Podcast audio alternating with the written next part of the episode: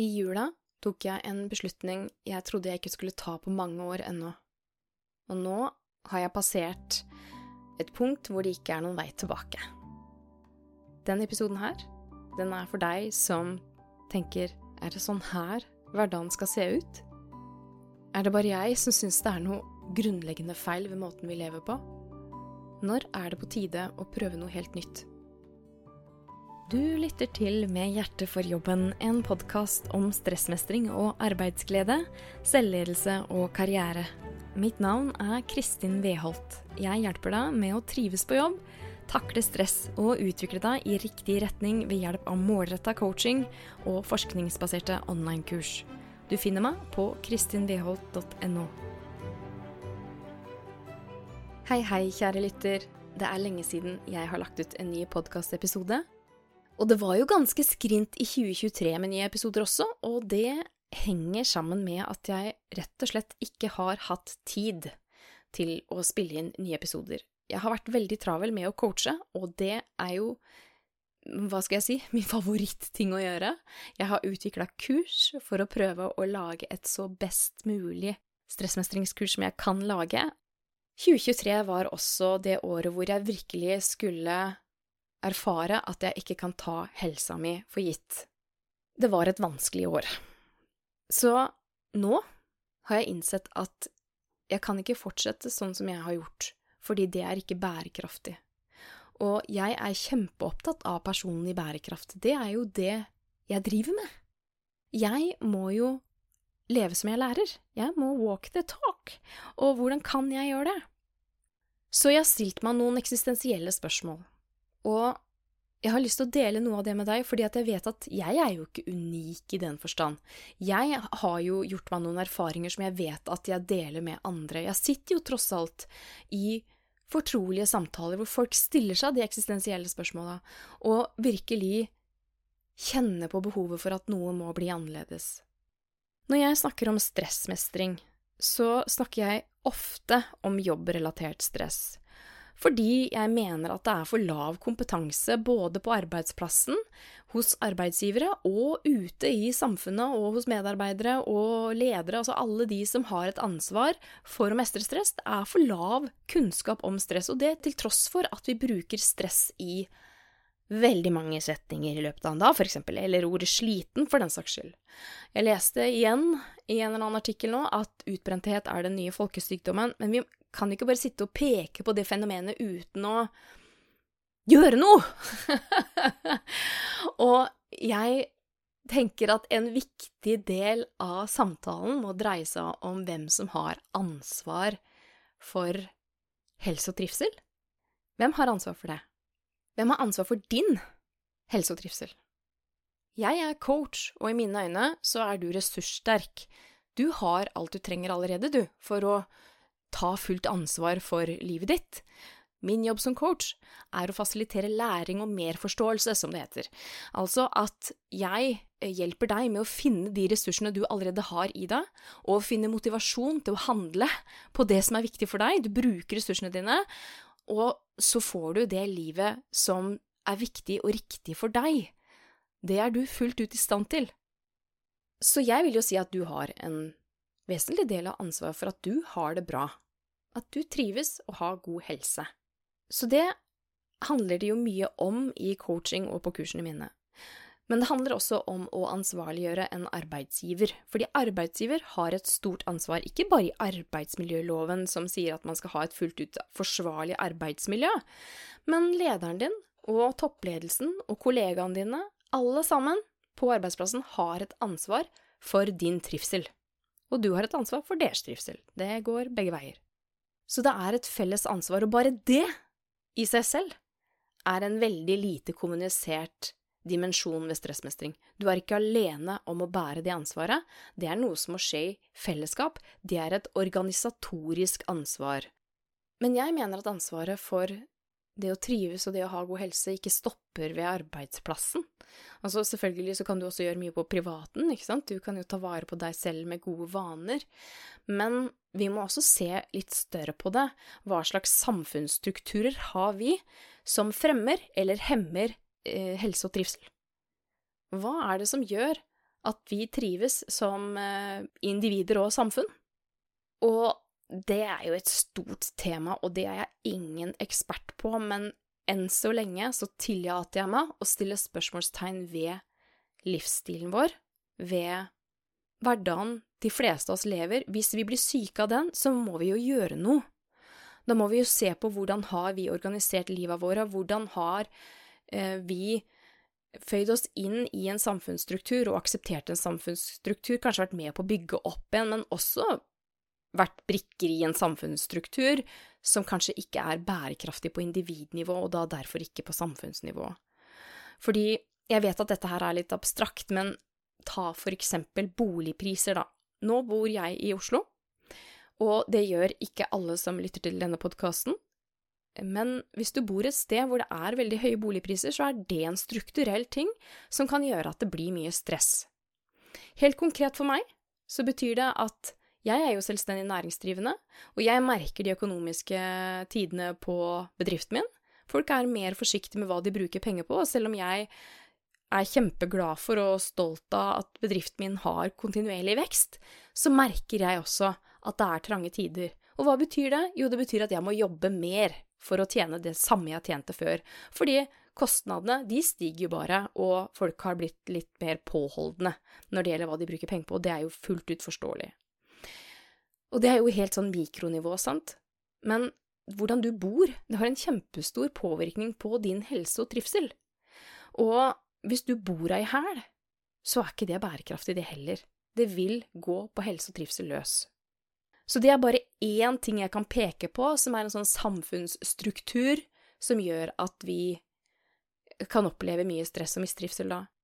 Jeg sier jo også med litt sånn klump i magen at vi ser jo nå litt av skyggesiden ved det feminismen har kjempet så mye for.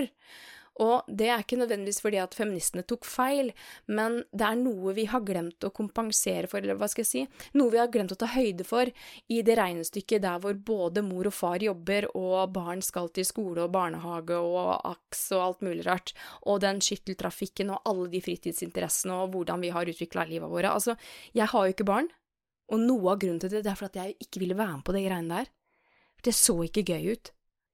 Så det er lov å stille spørsmål og si må vi ha alt det greiene her?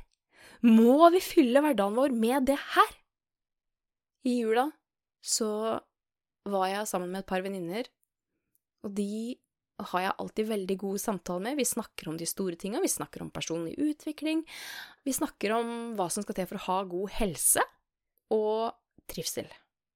Og begge de er innflyttere i Porsgrunn, Skien. Jeg er jo fra Skien.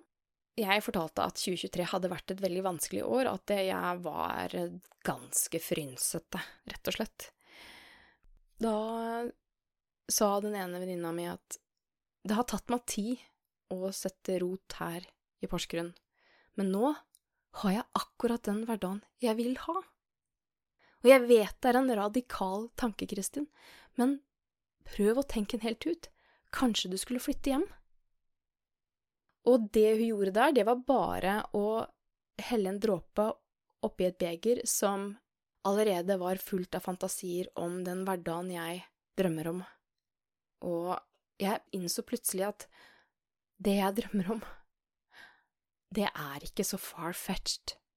Det er ikke så urealistisk lenger hvis jeg endrer én dimensjon ved rammebetingelsene mine og det er hvor jeg bor. Og det er ikke sikkert at det er et alternativ for deg å flytte hjem til hjembyen din, for det er det jeg skal. Jeg har bodd i Oslo i 27 år. Jeg flytta til Oslo da jeg var 19 år, og nå skal jeg flytte hjem. Hele familien min bor der, så jeg har alltid hatt en sterk tilknytning til hjembyen min, men nå skal jeg altså flytte hjem, og det er en big deal for meg. Jeg har vært kjempeglad i Oslo. Men nå har jeg bestemt meg for å flytte hjem fordi jeg innser at det som må til for at jeg får den hverdagen jeg vil ha, for at kalenderen ser ut sånn som jeg trenger at den ser ut for å ha en bærekraftig hverdag, det er at jeg flytter til Skien, får en enklere økonomi, for der er det et helt annet boligmarked, jeg får mye mer plass i leiligheten, jeg får en mye bedre hverdag med hunden min, hvor det er natur rett utafor døra, jeg får mye mer frihet. Det trenger jeg. Det å stille seg spørsmålet hva slags hverdag vil jeg egentlig ha? Hva ville drømmehverdagen innebære? Og det er kanskje et spørsmål mange av oss ikke stiller oss, og kanskje slår vi det fra oss med en sånn tullete fantasi eller en utopi, at det er så langt utafor rekkevidde. Men når jeg spør folk i coaching hva ville vært en ideell hverdag for deg, så er det ikke så store greier de ber om. Det er faktisk de nære ting. Og er det sikkert at jeg er så himla utafor rekkevidde? Det er det jeg har lyst å utfordre deg på i den podkasten her. Fordi plutselig så var det så åpenbart for meg hva jeg måtte gjøre for å få den hverdagen jeg ville ha, og den var jo innenfor min rekkevidde. Så skal ikke jeg si at jeg kommer, ikke kommer til å savne Oslo, og jeg skal fortsatt ha en tilknytning til Oslo fordi at jeg pendler til Oslo, blant annet, på grunn av jobben. Men det jeg får, er så mye mer verdt enn det jeg ofrer, fordi at det er en tid for alt, og alle de argumentene jeg hadde for å bo i Oslo, de har på en måte forvitra. Jeg har fortsatt mange venner her, og det er det vanskeligste å flytte fra. Men jeg har ikke lenger en jobb som binder meg til Oslo. Jeg har ikke lenger en karriere som må skje her. Før var det jo sånn, jeg var jo i bokbransjen, og det er ikke noe bokbransje i Grenland, så det var ikke noe vits i å flytte hjem til Skien eller Porsgrunn, fordi at der ville det ikke være noe jobb til meg. Det var jo et tungt veiende argument for ikke å flytte. Jeg nevner dette her for at du også skal utforske hva har vært argumenter i så fall for at du ikke skal gjøre den store endringen du trenger å gjøre i livet ditt for å få den hverdagen du vil ha? Er de argumentene fortsatt relevante, eller har de utspilt sin rolle? Har de nå gått ut på dato, og vips, så har du kanskje mer spillerom enn du tror? Disse valgene her, de handler om personlige verdier. Jeg hører jo mange ganger i coaching at klientene mine føler seg skamfulle fordi de ikke får til det livet som omgivelsen ser ut til å få til. Altså, det å ha en spennende karriere, og det har partneren din òg, og dere har barn òg, og barna har fritidsaktiviteter òg, og dere bor i en bolig som egentlig er litt for dyr og litt for trang. Var det det her mødrene våre brant bh-ene sine for? Jeg sier ikke at vi skal reversere den prosessen. Jeg sier bare at ok, det er nye tider. Kanskje vi må se på det her under lupen igjen og tenke var det sånn her vi ville at det skulle bli? Og det er ikke sånn at du skal ofre noe karriere hvis det er det du drømmer om, men jeg oppfordrer deg til å logge inn hos deg sjøl og tenke hva er viktigst for meg her i livet? Hva er viktigst for meg her i livet? For det er det som må være kompasset ditt, det er ikke hva naboen gjør. Og jeg kjenner så mye i det selv, altså sånn det dragsuget som samfunnet representerer når det gjelder forestillinger om hvordan et liv skal se ut. Altså, det er kjempevanskelig å være selvstendig tenkende i det. Det er kjempevanskelig å tenke at du skal ta helt andre veier. For du kan tenke det i teorien, men det å eksekvere på det, det er jo noe helt annet. Det krever både mot, og det krever risiko. Fordi at å leve et, eh, hva skal jeg si, vanlig, særlig storbyliv, eller hva nå enn der du står i, da, det er kjent, sant? Og det er jo det folk pleier å få til, eller gjør de ikke det, da? Bare ta deg en liten fot i bakken og regne ut hvor mange av de menneskene du har i omgivelsene dine som har gått på en smell. Hvis du er der at du står i fare for å gå på en smell, bare sjekk alle kollegaene dine på jobben, naboen, damene i barselgruppa eller eh, på mm, idrett med ungene dine. Hvor mange av de har gått på en smell? Tror du det bare er deg? Det føles jo kjempeensomt, sant? Tror du at det du vil finne, er uttrykk for at alle de individuelt ikke er skikka til å håndtere den hverdagen, eller tror du det er noe strukturelt, noe på samfunnsnivå? Og hvor stor valgmulighet har du egentlig? Det er det jeg mener med at det er lov å stille kritiske spørsmål og si nei, dette hamsterhjulet her, det vil jeg ikke være med på. Her må noe bli endra, og hvis ikke systemet endrer seg, så må vi endre det fra innsida. Systemet er en kjempestor abstrakt størrelse, hva pokker betyr det? Men vi kan endre det ved å endre våre vaner, og vi kan føle vårt som en liten maur i det, men det er ditt liv. Jeg er så begeistra for å snakke om verdier, for det er jo de tinga som er viktige i livet. Og de verdiene som gjorde at jeg fant ut at nå er det nok Oslo, nå skal jeg prøve Skien igjen, det var jo først og fremst helse, for det definerer jeg som min største verdi. Det er et sitat som jeg tror er kreditert en ukjent person, som går sånn her. A healthy man has a thousand dreams, a sick man only one. Altså, en sunn mann, en frisk mann, har tusen drømmer, en syk mann har bare én drøm. Og det tror jeg er veldig sant. Og jeg ser at så mange mennesker rundt meg, inkludert meg selv i 2023, har gambla med helsa si, mer eller mindre ubevisst og mer eller mindre selvforskyldt. Vi kan velge. Vi kan velge helse, og helse har jeg gjort til min største verdi, fordi uten helsa mi så er jeg ikke så ressurssterk lenger. Jeg har ressurser på alle mulige måter, men, men helse er på en måte en premissleverandør for alle de andre ressursene også. Og så er jeg et familiemenneske. Jeg er kjempeglad i familien min, og de bor i Skien. Det å kunne være sammen med de menneskene som aksepterer deg akkurat som du er, for det kan jeg med familien min, og det er ekstremt privilegert. Det er stressreduserende å være sammen med mennesker som tar deg for den du er, som elsker deg likevel. Og jeg er så heldig at jeg har det i familien min, og jeg har det ikke for alltid, og jeg trenger å bruke tid med dem. Og så vil jeg ha den friheten, jeg vil ha den friheten til å kose meg med bikkja mi.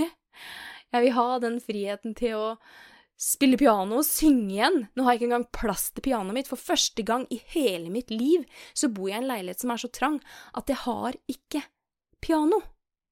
Og jeg har lyst til å lese skjønnlitteratur igjen. Jeg vil være kreativ. Jeg vil skrive, jeg vil lage podkast. Ikke minst så vil jeg ha mye mer estetikk inn i livet mitt. Og hva mener jeg med det? For det er en verdi for meg. Og det er litt typisk mennesker som scorer veldig høyt på en sånn styrke jeg har i den personlighetstesten jeg tar på de jeg coacher. Det er ikke jeg som har utvikla den personlighetstesten, det er en vitenskapelig validert personlighetstest, og det kan ikke jeg utvikle. Men en av de styrkene man måler der, den heter Appreciation of Beauty and Excellence, eller verdsettelse av skjønnhet og dyktighet, som det heter på norsk. Og det den handler om, det er at du verdsetter alt det som er estetisk, og at du ofte har estetiske evner selv, kunstneriske evner selv, men det trenger ikke bety det. Det kan også være en, en sans for mønster, for struktur, på et vis, og for noe av høy kvalitet. Du har høye kvalitetsstandarder, altså excellence. Og måten det viser seg på i mitt arbeid, det er at eh, ja, jeg har perfeksjonistiske tendenser, men jeg lever også veldig dårlig med at ting ikke er optimalt, fordi ikke fordi at jeg er redd for å gjøre feil, jeg har jo vært det veldig mye tidligere, og jeg har blitt mye bedre der, men det er ikke først og fremst det. Men jeg er ikke noe god til å håndtere ting som jeg ser kunne vært bedre, eller altså finere, da. Det er estetikken i det. Jeg blir veldig prega av stygge omgivelser, og nå har jeg bodd på et område hvor det har vært veiarbeid i et helt år, og jeg blir gæren av det. Kanskje kjenner du deg igjen hvis du også scorer høyt på den styrken, at du må ha det pent rundt deg. Det handler ikke om å ha støv på hjernen, det handler bare om at du trenger å hvile blikket ditt på noe du syns er vakkert. Og der hvor jeg har kjøpt meg leilighet, der er det vakkert. Jeg vil ha mer estetikk i min umiddelbare nærhet, og jeg vil ha mer tid til å gjøre noe jeg opplever som estetisk, om det er å sitte i jacuzzien min på terrassen der, eller om det er å skrive sjøl, eller om det er å ha tid til å gå på konsert, altså. Så det å flytte til Skien, det er for meg et verdivalg, og det er det vi må bruke som kompass når vi tar de store livsvalga. Hva syns du er viktig her i livet? Den dagen du står på terskelen til å takke Farvel til denne jordiske eksistensen. Hva vil du at folk skal si om deg når du er borte? Hva vil du være takknemlig for at du brukte tida di på i den stakka stunden du var på jorda? Det er de personlige verdiene dine. Så tør å drømme om en ideell hverdag. Tør å spørre deg sjøl hvordan ser den ut hvis jeg skulle gitt den et konkret innhold fra morgen til kveld fra jeg står opp til jeg går og legger meg, hvordan ville den sett ut? Og så kan du spørre deg, hva må til for at den blir innen rekkevidde? Hvilke endringer må jeg i så fall gjøre? Hva vinner jeg på det, og hva taper jeg eventuelt på det, for tør å spørre det også. Hvor realistisk er det egentlig? Eller hvor… Jeg er frista til å spørre. Hvor urealistisk er det egentlig at du kan få det som du vil? For det er min erfaring, da, når jeg spør folk om det i coaching, hvordan ser en ideell hverdag ut for deg? Hvis du kunne veive en tryllestav, og i morgen så står du opp, og så er du midt i din ideelle hverdag. Hvordan ville den sett ut? Det er jo ingen som sier at nei, da har jeg vunnet i Lotto, og så går jeg ned en rød løper i Hollywood, og så bla, bla, bla. De sier jo ikke det. De snakker om de nære ting. Og de er sjelden langt utenfor rekkevidde. hva slags hverdag vil du egentlig ha? Du har lytta til Med hjertet for jobben, en podkast om stressmestring og arbeidsglede, selvledelse og karriere. Mitt navn er Kristin Weholt, og jeg er coach, kursinstruktør og karriereveileder. Vil du selv lese artikler og andre kilder jeg viser til i podkasten, sjekk shownotes til denne episoden. Og vil du lese artikler og se videoer jeg har produsert, gå til medhjerteforjobben.no. Der kan du også melde deg på nyhetsbrevet mitt og få tilgang til gratis ressurser som er relevante for stressmestring. Gå gjerne inn og rate denne episoden, og del den med en venn som kanskje også kan ha nytte av å høre denne. På gjenhør!